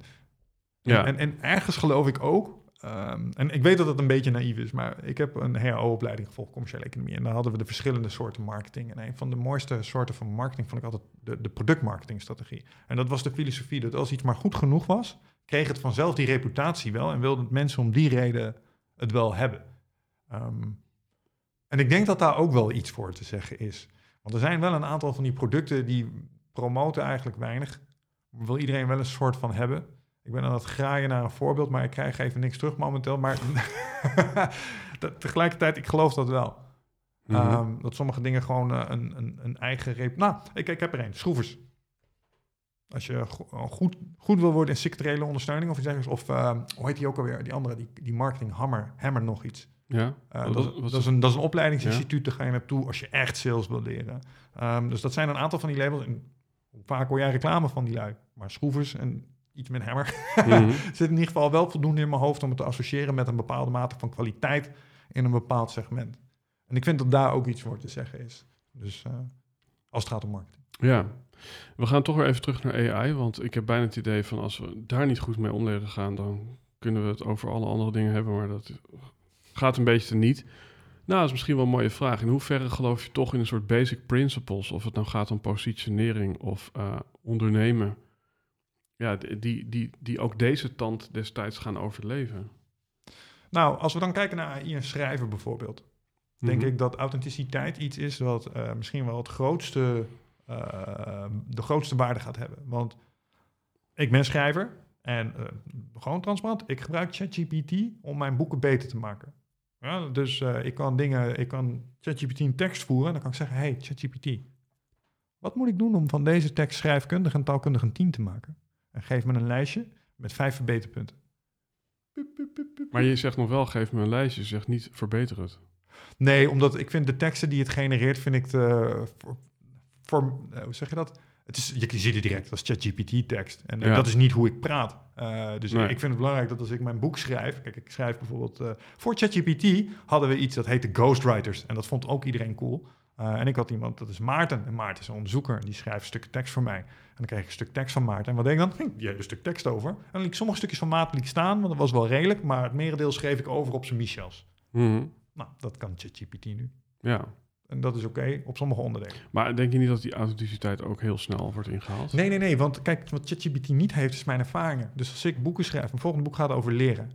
Ja, ik heb meer dan duizend uur les staan geven. Ik, ik kan uit ervaring spreken daar. Ik heb de anekdotes, ik heb de interviews gedaan erover. En daar refereer ik naar in, eh, in het boek. En daar komen mijn gevolgtrekkingen en mijn stellingnames uit voort. Dus eh, een van de dingen waar ik best wel stellig in ben, is... eh, ik vind traditioneel onderwijs nog helemaal niet zo slecht. Ik vind eh, al te veel meebuigen met eh, de grillen van eh, kinderen die misschien niet altijd zin hebben in sommige dingen leren. Ik weet niet of dat altijd goed is. Leren moet wel leuk zijn, geloof ik 100%. Maar ik geloof, geloof ook dat er een component van discipline in moet zitten. En ehm, nou, dat is iets dat vind ik heel erg. Ja, Maar als je dan ChatGPT zou vragen, die zou daar waarschijnlijk een veel politiek correctere, genuanceerde mening over hebben. ja. Maar eigenlijk zeg je daarmee dat inderdaad subjectiviteit, we hadden het eerder over logica, dat dat, dat hetgene is wat, ja, wat ons bestaansrecht eh, ten aanzien van een AI. Nou, als het gaat om het maken van bijvoorbeeld bepaalde dingen, eh, zal, ik zal geen boek kopen dat 100% door een AI is geschreven. Als je je hebt laten helpen door dat ding, vind ik het prima. Want ja, waarom zou je geen schroefboormachine kunnen gebruiken... waar je eerder een schroefmachine mocht gebruiken... of een, Ja. een, een- gewoon een schroevendraaier mocht gebruiken van me. Eh, toen had je Google en daar kon je ook allerlei dingen mee. Nu wordt het gewoon iets makkelijker voor je samengevat. Niet kinderachtig doen, dat deden we eerder ook. Ehm, maar de waarde zit hem in het feit, bijvoorbeeld van zo'n boek als Your Shit Together. Nou, daar is iemand die heeft een burn-out gehad en die heeft shit geprobeerd. En dat heeft hij nu in het woord vastgelegd, zodat jij er ook iets van kan leren. Dat kan een AI niet. Nee. En, en ik denk dat daar de toegevoegde waarde blijft zitten van mensen. Het wordt Ja. alleen makkelijker om het te delen. Nou kijk, AI baseert natuurlijk op wat er al is. Eh, en dan zegt je Jos Burgers, ja, creativiteit, dat is als het ware vooruitkijken. Maar de vraag is of dat zo is. Of wij niet als mens ook gewoon een soort robot zijn die alles baseren op wat er al was. Ja? Ja, Ik, ik zeg wel eens, als ik, ik denk dat als ik ooit een origineel idee zou krijgen, dat mijn hoofd zou ontploffen. Omdat, ja, dit leer je als je softwareontwikkelaar bent. Ehm, ik heb geprogrammeerd. Eh, Ja. Alles waar jij tegenaan loopt, is iemand al een keer tegenaan gelopen. En hij heeft er al een oplossing voor gevonden. ja. Dus waar jij dacht, oh, het is echt geniaal om dat te doen. En je krijgt het niet voor elkaar. Denk je, oh, ik ga toch maar eens googlen. Oh, daar had iemand al bedacht. Oh shit, hij heeft er zelfs al een module voor gebouwd. Wat Cool. maakt dat je jezelf eigenlijk schrijver noemt? Hè? Terwijl, hè, als je het dan hebt over alpha en beta, dan ben je dus ook een soort van nerd op het vlak van programmeren, gaming. En, Ja. hè? Dus, dus, dus waarom typeer je jezelf als schrijver en niet als programmeur? Nou, ik typeer me in deze context even als schrijver, omdat we hier zaten naar aanleiding van Ja. een interview over mijn boek. Dus dan is dat wel relevant. Maar ik zie, ik zie mezelf eigenlijk helemaal niet als auteur. Dus mensen, oh, je hebt een boek uitgebracht. Ja, ja, dat is waar ook. Ik heb een boek uitgebracht. Uh, Ja, en ik ja. ben bezig met mijn tweede. Ehm, Maar daar zit, zit daar ook jouw positioneringsvraagstuk, dat het, het multidisciplinaire ook zich hierin uit? wellicht. Maar ik heb wel... Jijn. Dus eh, ik heb een aantal loketten waar je kan zijn. Wat ik nog slecht doe, is gewoon één loket. Mhm. Hier moet je zijn, dit is wat ik te bieden heb. Want het is allemaal wel een beetje hetzelfde en het hoort ook bij elkaar. Ik Ja. heb het alleen nog niet zo goed verpakt en aan de buitenwereld laten zien. Uh, maar dat komt omdat ik me veel te veel met de inhoud bezig heb gehouden. Ja, Want dat is waar mijn echte passie ligt. Ik ga weer even terug naar AI. En die wil het graag over zichzelf hebben. Hè? Jij zei net, eh, in corona keken we op Zoom vooral naar hoe we er zelf bij zaten op Ja. de camera. Eh, dat doet AI blijkbaar ook, want die vraagt... hoe heeft het gebruik van ChatGPT jouw eigen werkdag vereenvoudigd... en welke specifieke taken heeft het jou helpen verbeteren? Nou, ik heb net al een voorbeeldje gegeven van hoe het uh, uh, bijvoorbeeld uh, tekstverwerken een stuk makkelijker maakt. Mhm. Dus ja, ik weet niet of je wel eens een stukje tekst hebt geschreven, maar op een gegeven moment ontwikkel je ook een stukje target fixation. Mhm. Het schrijfproces is soms een beetje, nou, dan komt er iets uit en dan staat er iets en dan denk je, het is niet wat ik wil, maar het staat, er staat wat er moet staan. Hm. En nou, dan is het heel fijn om, uh, wat doe je dan normaal? Dan zeg ik, hey, kun je even meelezen met mij? En dan uh, tegen een mens. En dan zeg je, ja, misschien moet je het even zo doen. Ja, ja, goed idee. Nou, dat, dat proces kan ik nu de mensen uithalen en dat gaat gewoon uh, veel sneller. Dus dat is een mooi voorbeeld van wat het doet. Een ander voorbeeld hebben we het er straks al even kort over gehad. Als het gaat, dat is ook een illustratie van hoe het de moderne economie gaat disrupten. Kijk, Get Shit Together is een workflow. Laat zich perfect uitdrukken in software. Zou je een fantastische app voor kunnen maken. Ik heb denk ik al wel vier keer ingezet om zo'n app te maken. Of met studenten, of met een, zelfstand, met een ZZP'er. En dan liep je altijd aan dus van, ah, dit is het net niet, want ze begrijpen me niet. Of, fuck, dit is duur man, want softwareontwikkeling is heel duur. Mm-hmm.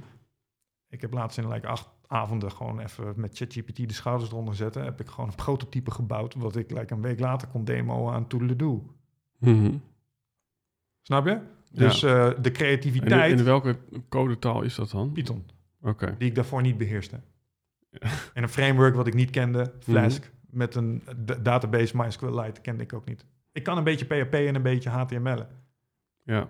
En ik weet wat een database is en hoe je hem zou ja, kunnen installeren. Ja, ja. Maar ik heb gewoon tegen ChatGPT gezegd, hey, dit is wat ik bouwen wil. Dit zijn de functionaliteiten die ik moet voldoen. Hij heeft een mooi roadmapje voor me, uh, voor me gemaakt. Ik heb hem uitgelegd hoe ik dat wil hebben. Dus houd de features vast. En we zijn lekker samen daar aan te ontwikkelen. Ik vraag hem om uh, architectureel advies op mijn applicatie.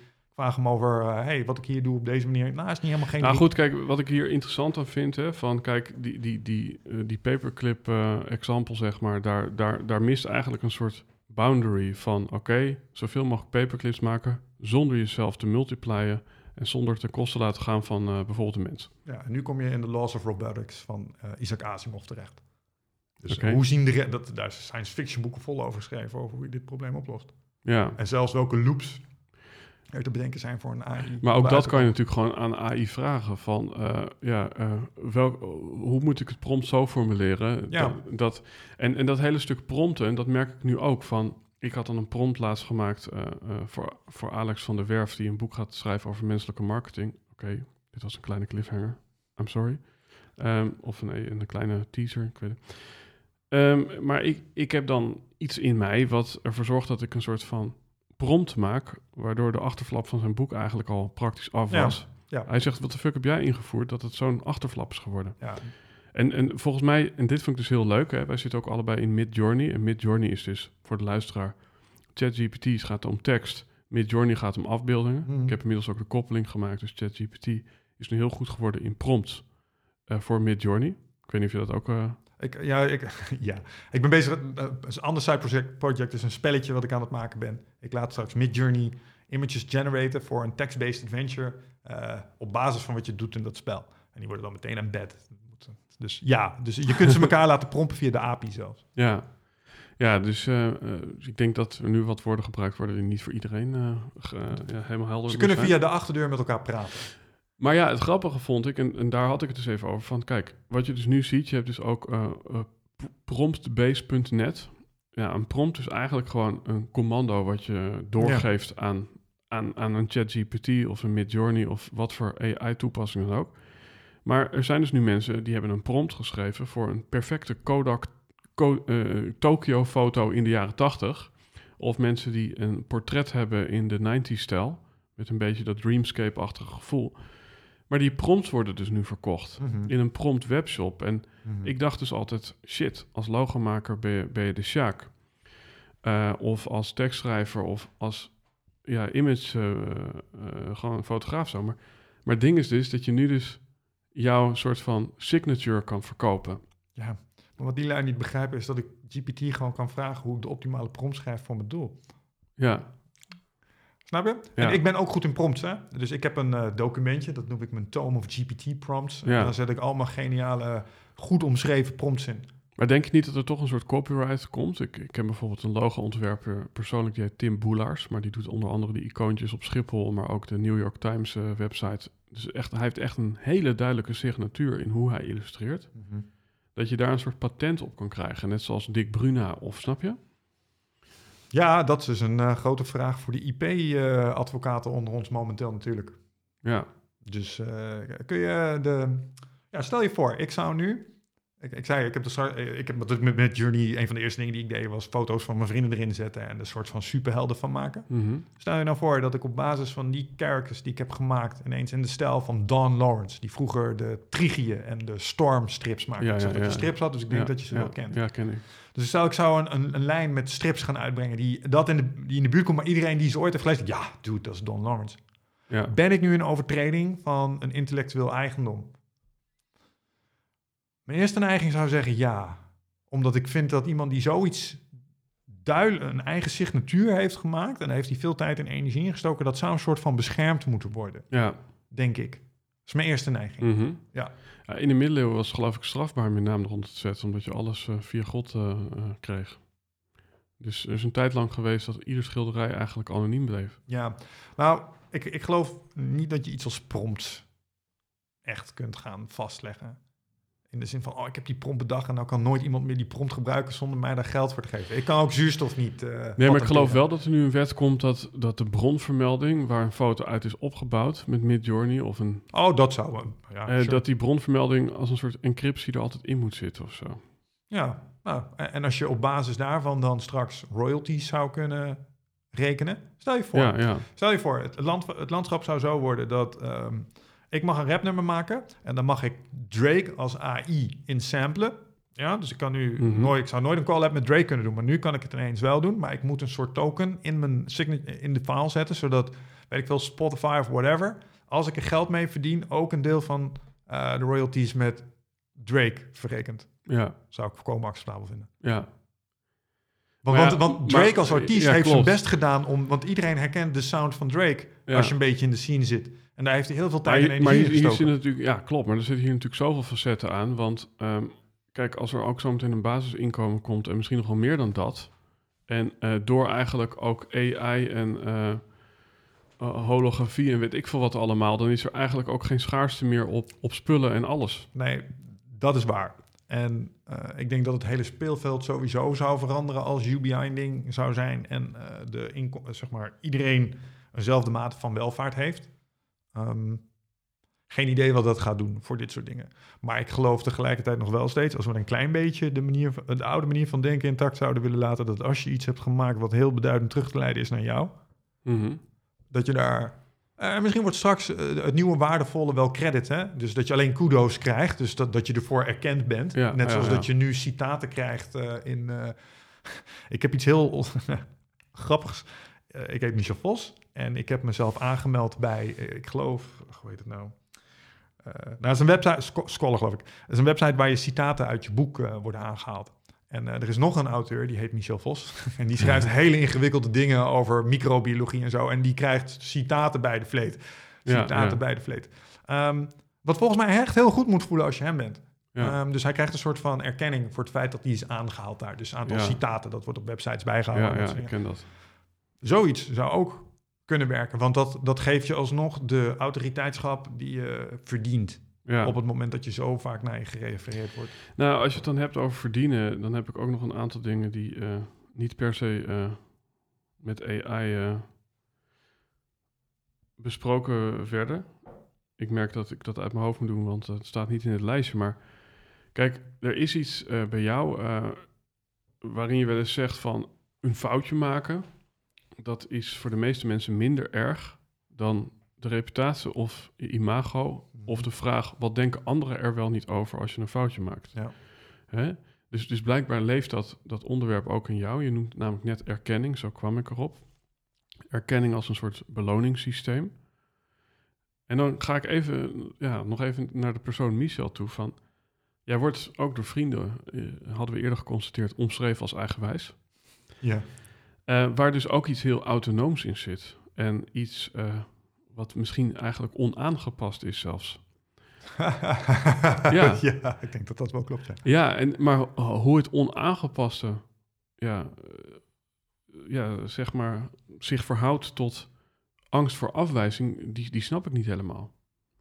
Want, want jij bent blijkbaar ook iemand die op zoek is naar erkenning en, en, en vinden mensen me wel, wel leuk genoeg Snap je dat ik daar een soort conflict in mijn hoofd heb? Mm, ja, nou la laten we vooropstellen dat ik, uh, net zoals ieder, uh, niets menselijks is mij vreemd. Ja? Mm -hmm. Dus uh, dat stukje fear of negative evaluation heeft iedereen.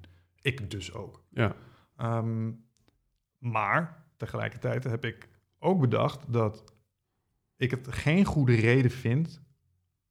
nee, laat ik het zo zeggen. Ik vind de mening van anderen geen goede reden om sommige dingen niet te doen. En ik vind dat wat ik wil, soms belangrijker dus als de mening van anderen. Ja. Um, maar op het moment dat mensen naar mij toe komen met goed advies en die zeggen, nou Mies, is het wel slim om dit brandende gebouw in te rennen, terwijl je zelf net een liter benzine over je hoofd hebt gegoten en je loopt daar met twee brandende sterretjes naar binnen. Misschien zou je niet moeten doen. Dan luister ik daar wel naar. Zo is, Ja. het, zo is het ook niet. Maar als je bijvoorbeeld even teruggaat naar het relatievoorbeeld. Ja, dat is niet hoe het me van huis uit geleerd is natuurlijk. Maar toch ben ik bereid geweest om de, het oordeel van mijn vader, die trouwens helemaal achter staat en het fantastisch vindt. Ehm, maar dat was wel even, ja pap, eh, dit is hoe ik het ga doen nu. Ja. En als hij dat dan niet leuk had gevonden, had ik gedacht, ja, dat is dan jammer pa, maar ik ga het wel doen. Nou, dat. En ik denk dat dat de balans is die je daar een beetje in moet zoeken. Dus als mensen echt bijkomen van, hé hey man, dat uh, Gator, dat is echt geen goed speel voor je, moet je niet nemen. Dan moet je daar gewoon naar luisteren. Maar als je merkt dat mensen van hun, vanuit hun eigen beperkte overtuigingen jou eigenlijk een beetje binnen hun comfortzone proberen te houden, dan mag je een beetje eigenwijs worden, vind ik. Ja.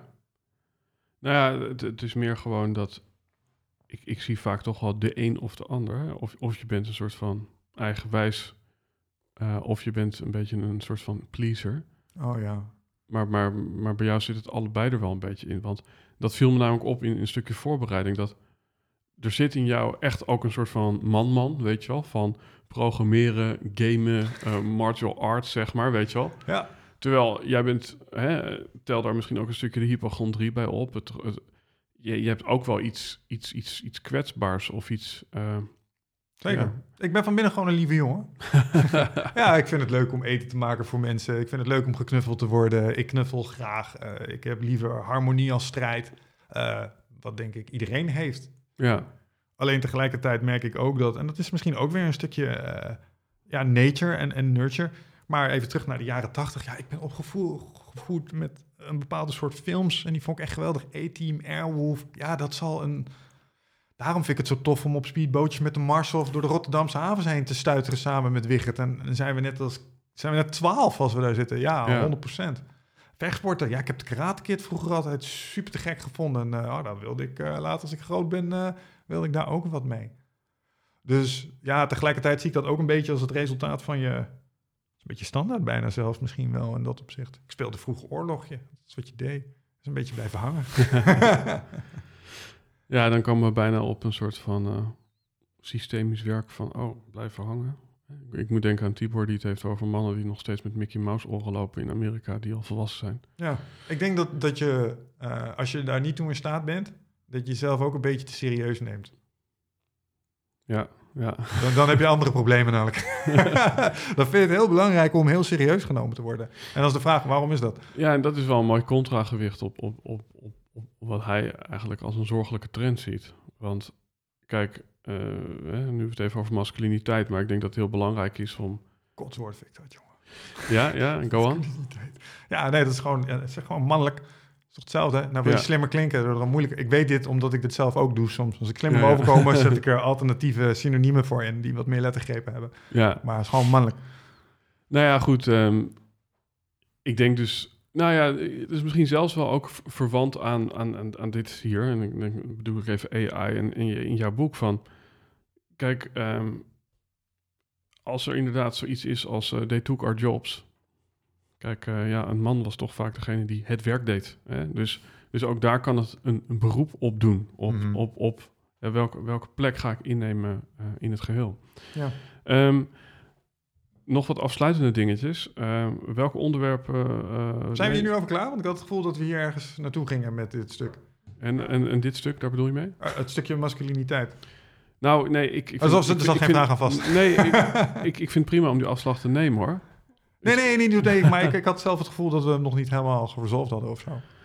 Ja, ik zit te denken, kijk, het is meer van ik probeer dingen met elkaar in perspectief te leggen. Hè? Dus get your shit together, als het ware te koppelen aan, aan, aan AI. Weet je wel? Betekent dat dat je meer of minder je shit op orde moet krijgen? Uh, ja, nu AI dingen van ons gaat overnemen. Oh, zo. Hè? Maar ook betekent dat je meer of minder juist in je mannelijkheid moet gaan staan. Uh, of, of, of wordt dat label eigenlijk steeds minder belangrijk uh, ja, in een wereld waarin we zometeen een basisinkomen hebben en niet meer hoeven te werken, bijvoorbeeld? Mhm. Mm-hmm. Dat, vind ik, dat is wel even een concrete vraag die ik je wil stellen. Nou, wat, wat misschien wel zo zou zijn, is dat typisch mannelijke beroepen straks uh, worden overgenomen. Ja. Uh, en dat daarmee een hele groep mannen zichzelf opnieuw moet uitvinden.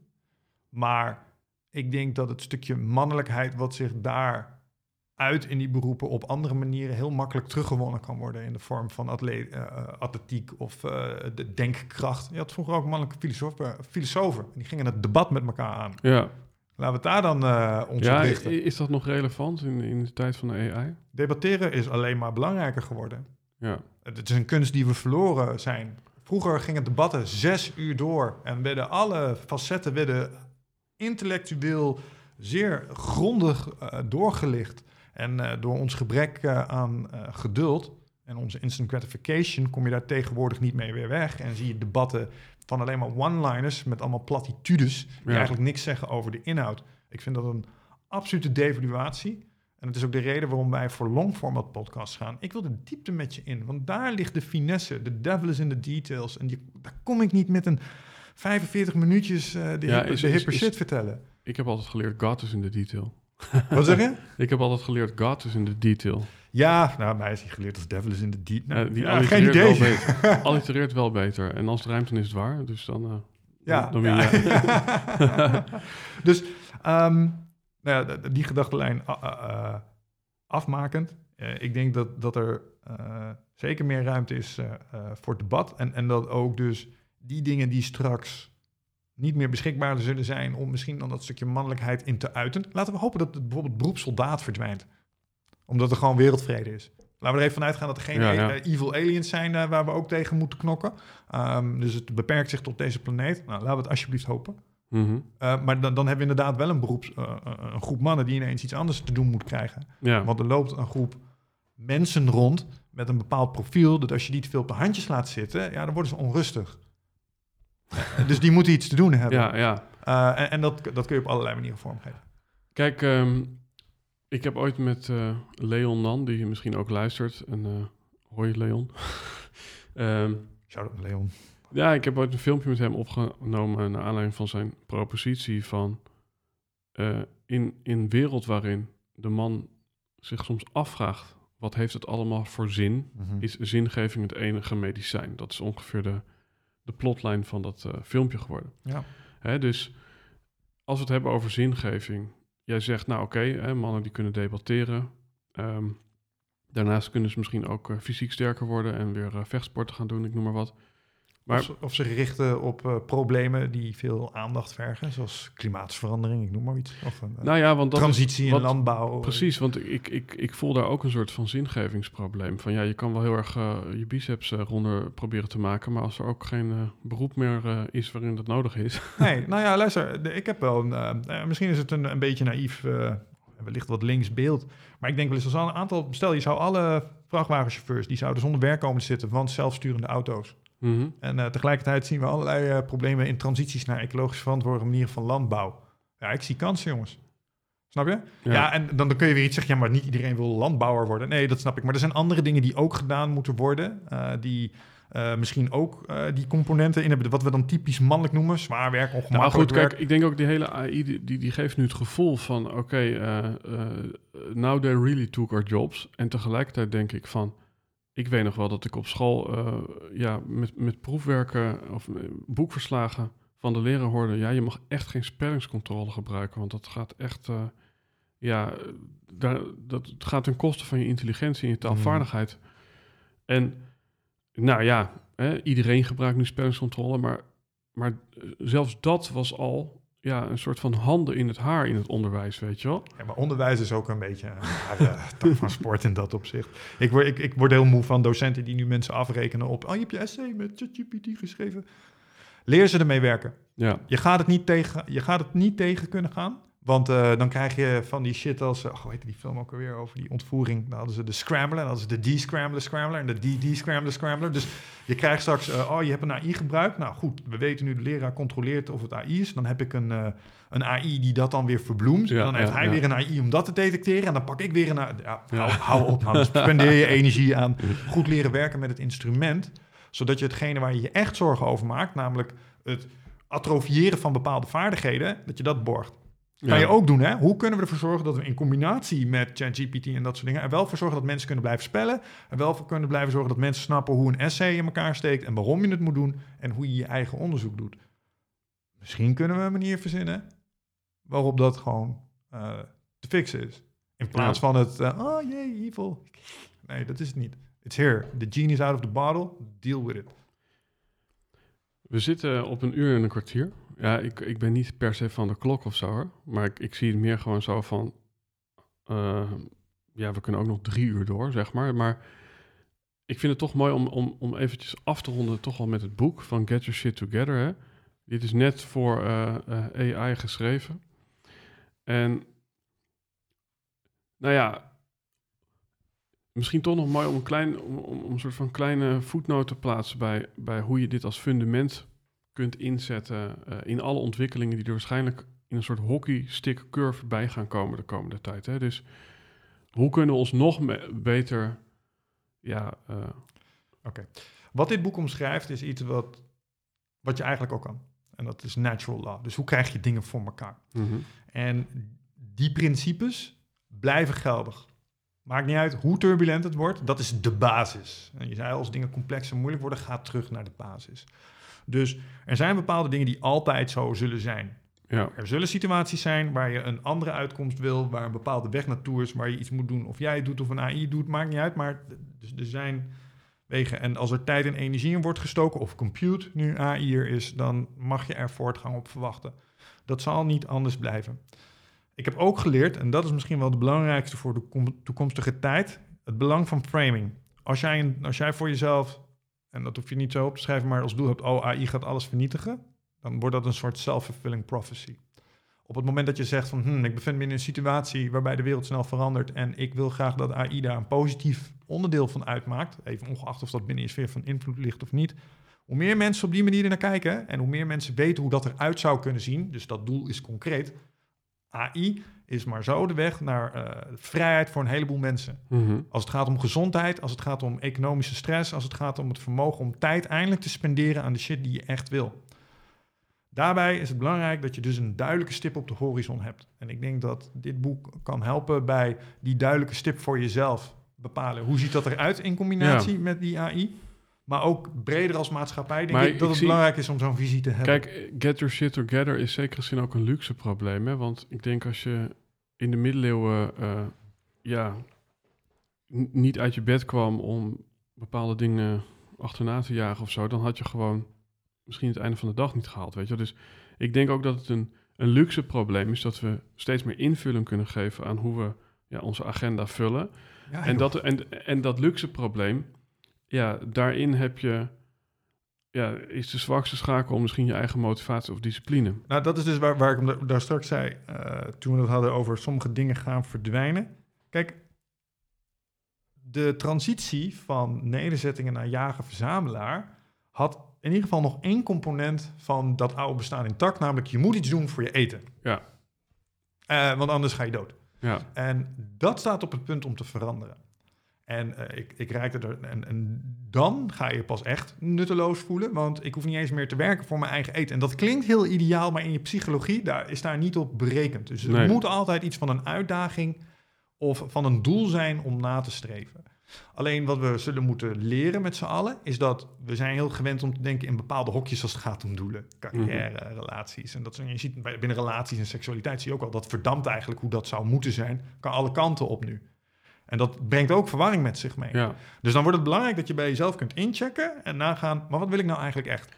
ja, en dan kom je bijna bij het boek van Ilke Smit. eh, dat heet De Regels van het Spelletje. Maar je- het vraagt gewoon om spelregels. En misschien, ja, is, is dit boek eh, ook een soort spelregel eh, om, om, om, om te, te, te mogen spelen met je leven? Ik nou, dan ga ik hem een klein beetje verbeteren. Ik denk dat dit boek een mooie handleiding is om je eigen spelregels te schrijven. Ja, In een wereld waar straks de spelregels niet meer vaststaan. ja. Dat is wat het doet. Of in een wereld waarin, ja, hè, dan gaan we een beetje in de complottheorieën, eh, er heel veel meer spelregels bij komen. Wellicht. Oh, oh ja, je demonstreert, oké, dan krijg je geen salaris. Oh, je hebt deze week vlees gegeten, oké, dan eh, dit. Ja, je omschrijft nu de, de, de meest dystopische uitkomst die dit zou kunnen hebben. Ja, Ehm, en, en, en tegelijkertijd een van de, van de oplossingen die eh, ChatGPT aandraagt als je hem dit soort vragen stelt. joh, hoe vermijden we dit? Ja, we hebben als maatschappij nog wel een paar transities te doorstaan om dit ook goed te kunnen laten uitpakken. Kijk naar bijvoorbeeld machtsverdeling. Kijk naar Ja. bijvoorbeeld eh, hoe we omgaan met bedrijven die naast overheden opereren en zo. Om nog maar te zwijgen over de toekomst van het menselijke ras in biologische zin. Ehm, want ja, ik weet niet of je weet wat Elon aan het doen is. Maar die is in principe iets aan het bouwen waarmee je straks kunt integreren met zo'n ja, AI. ja, ja. Nou, dan heb je dus een nieuw ras geschapen. En nu lopen er straks mensen rond met een eh hoe heet het, Neuralink chip, die AI altijd in de achterkant hebben gemaakt. En die gasten zijn slimmer en sneller als jij. Mhm. Waar we het net over hadden. Nu zit je weer in de kamer met iets wat 200 keer sneller is als jij. ja. Maar het heeft ook nog evolutionaire bagage. Kijk, dat is wat ik geruststellend vind als ChatGPT. ChatGPT probeert niemand te neuken. Die probeert niks te verkopen. Die wil geen werelddominatie. Dat is gewoon een op dit moment nog doelloos ding. ja. Zodra je mensen ermee gaat integreren, die al die oude dingetjes die ze willen, Ja. macht en zo, er nog bij in hebben zitten, dan wordt het eng. Dus, Nee, nee, nee, nee. hey man, ik moet altijd denken als het gaat om AI, om hem lekker positief af te sluiten. Heb je die aflevering gezien met Joe Rogan en Elon Musk? Dat ze gingen blowen? Of, eh? Ja, dat was die aflevering. En die aflevering, daar vraagt Joe Rogan hem ook eh, over AI. En ik weet zeker, als ze ooit een film gaan maken over de, de, zeg maar, wat AI allemaal verschrikkelijke dingen heeft gedaan, dan beginnen ze met die scène. En dat is Elon Musk die zegt, I tried to warn them. They just wouldn't listen. They wouldn't listen. Echt, echt zo, weet je wel, Ja. als het ging over de gevaren van AI. Dus ja, er kleven nogmaals echt risico's aan. Maar tegelijkertijd zou ik iedereen die dit luistert denken, oh, maar moet je er toch ook absoluut mee stoppen? Nee, want nou ja, volgens mij heeft diezelfde Elon gezegd, eh, we zetten hem zes maanden op pauze. Ja, dat is het verzoek. Zeker. En je, je kan Wat wel... natuurlijk de grootste onzin is, want het begint het al met de definitie van waar begint of eindigt AI. Ik bedoel, Ja, nee, waar waar zij het over hebben is... ehm, kijk, de modellen worden nu zo krachtig. GPT-4 heeft het intellectueel niveau van een kind van like, 15, 16 of zo. Of bijna volwassen. Ehm, laten we even zorgen dat we GPT-5 en 6 nog niet trainen... zodat hij ook van die emergent leaps in eh, capabilities gaat maken. Dus dat hij ineens veel slimmer is als we weten. Want we wisten bijvoorbeeld like, bijna vier maanden niet... dat het die sprong in intelligentie had gemaakt... van like, een achtjarige naar een twaalfjarige. Hadden we niet door. mhm. Dus, dus dat is een beetje het risico met dat soort dingen. Maar tegelijkertijd, als we nogmaals, ik blijf zeggen, als we dit weten te fixen op een manier die echt werkt, dan kunnen we de wereld echt veranderen in een utopie. En ik denk dat mensen dat een klein beetje onderschatten, hoe, hoe snel dat ineens kan gaan. Nou ja, kijk, het, het is natuurlijk ook het klassieke helderverhaal. Of je nou Lord of the Rings hebt met de onderwereld, de industrie die gaat vechten tegen de enten en de bomen en de... Ik denk dat er ergens misschien nu al zo'n strijd plaatsvindt.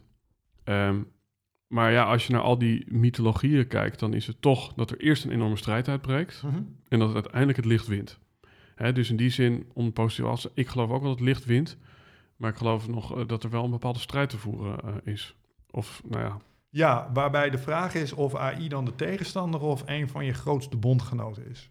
Want hij kan beide zijn in dit verhaal. Ik denk namelijk dat het grote kwaad in dit verhaal, eh, de powers that be, mensen met te veel geld, macht en welvaart, die Ja. vanuit evolutionaire psychologie dat niet kunnen loslaten. Ja. Grootste aap op de steen, die wil er nooit vanaf. nee.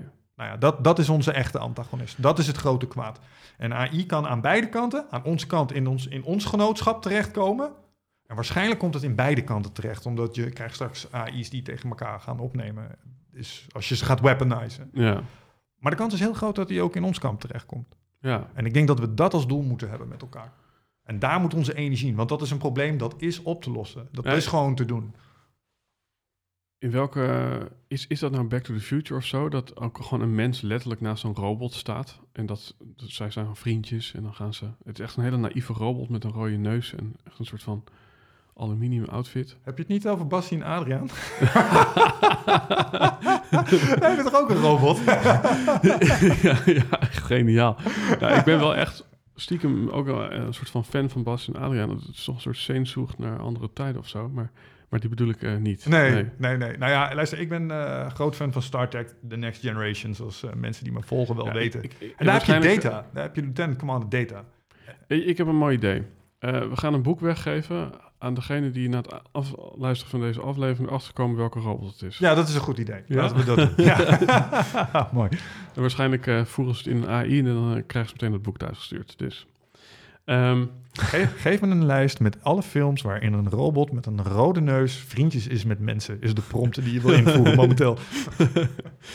Ehm, ja, super grappig dit. Ehm, en ook wat mij betreft relevant. Ik denk toen we dit gesprek planden, eh, had ik niet de intentie om deze kant op te gaan.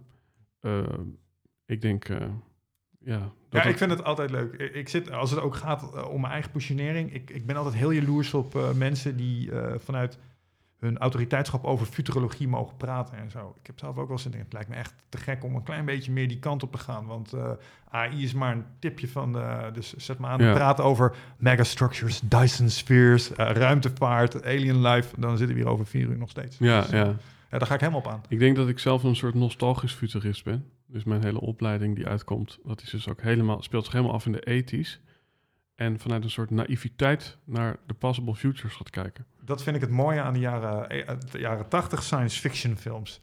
Het was zo lekker naïef nog. Ja, zo, lekker, ja. zo lekker cut and dry. Het is gewoon, oh, dit is wat het is. En niet, nu is alles complex, ambigu. Maar, maar ik vind het mooie en het romantische aan die tijd een soort van de, de kruisbestuiving tussen technologie en mens. Weet je wel? Eh, daarom dus letterlijk het voorbeeld van die robot naast die mens. Maar eh, toen was het nog niet een soort integrated of embedded.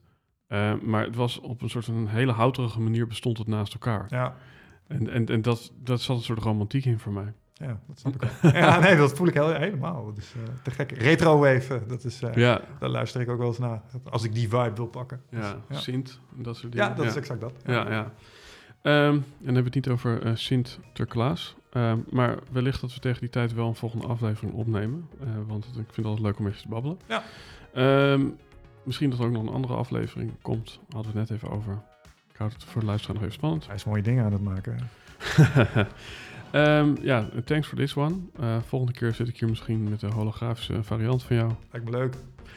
Ehm, heb je nog iets toe te voegen? Wil je de luisteraar nog naar een bepaalde plek toesturen waar ze het boek kunnen kopen of naar je website of wat dan ook? Nou ja, als je dit soort eh mijmeringen leuk vindt, dan kan je altijd even een kijkje nemen bij eindbaas.nl. Dat weten Ja. de meeste mensen die dit kijken, denk ik al wel. Nee, ik vind het gewoon leuk om... eh, dankjewel dat ik mocht komen. Ik vond het gewoon leuk. En fijn dat we even de ruimte konden nemen over zoiets als dit.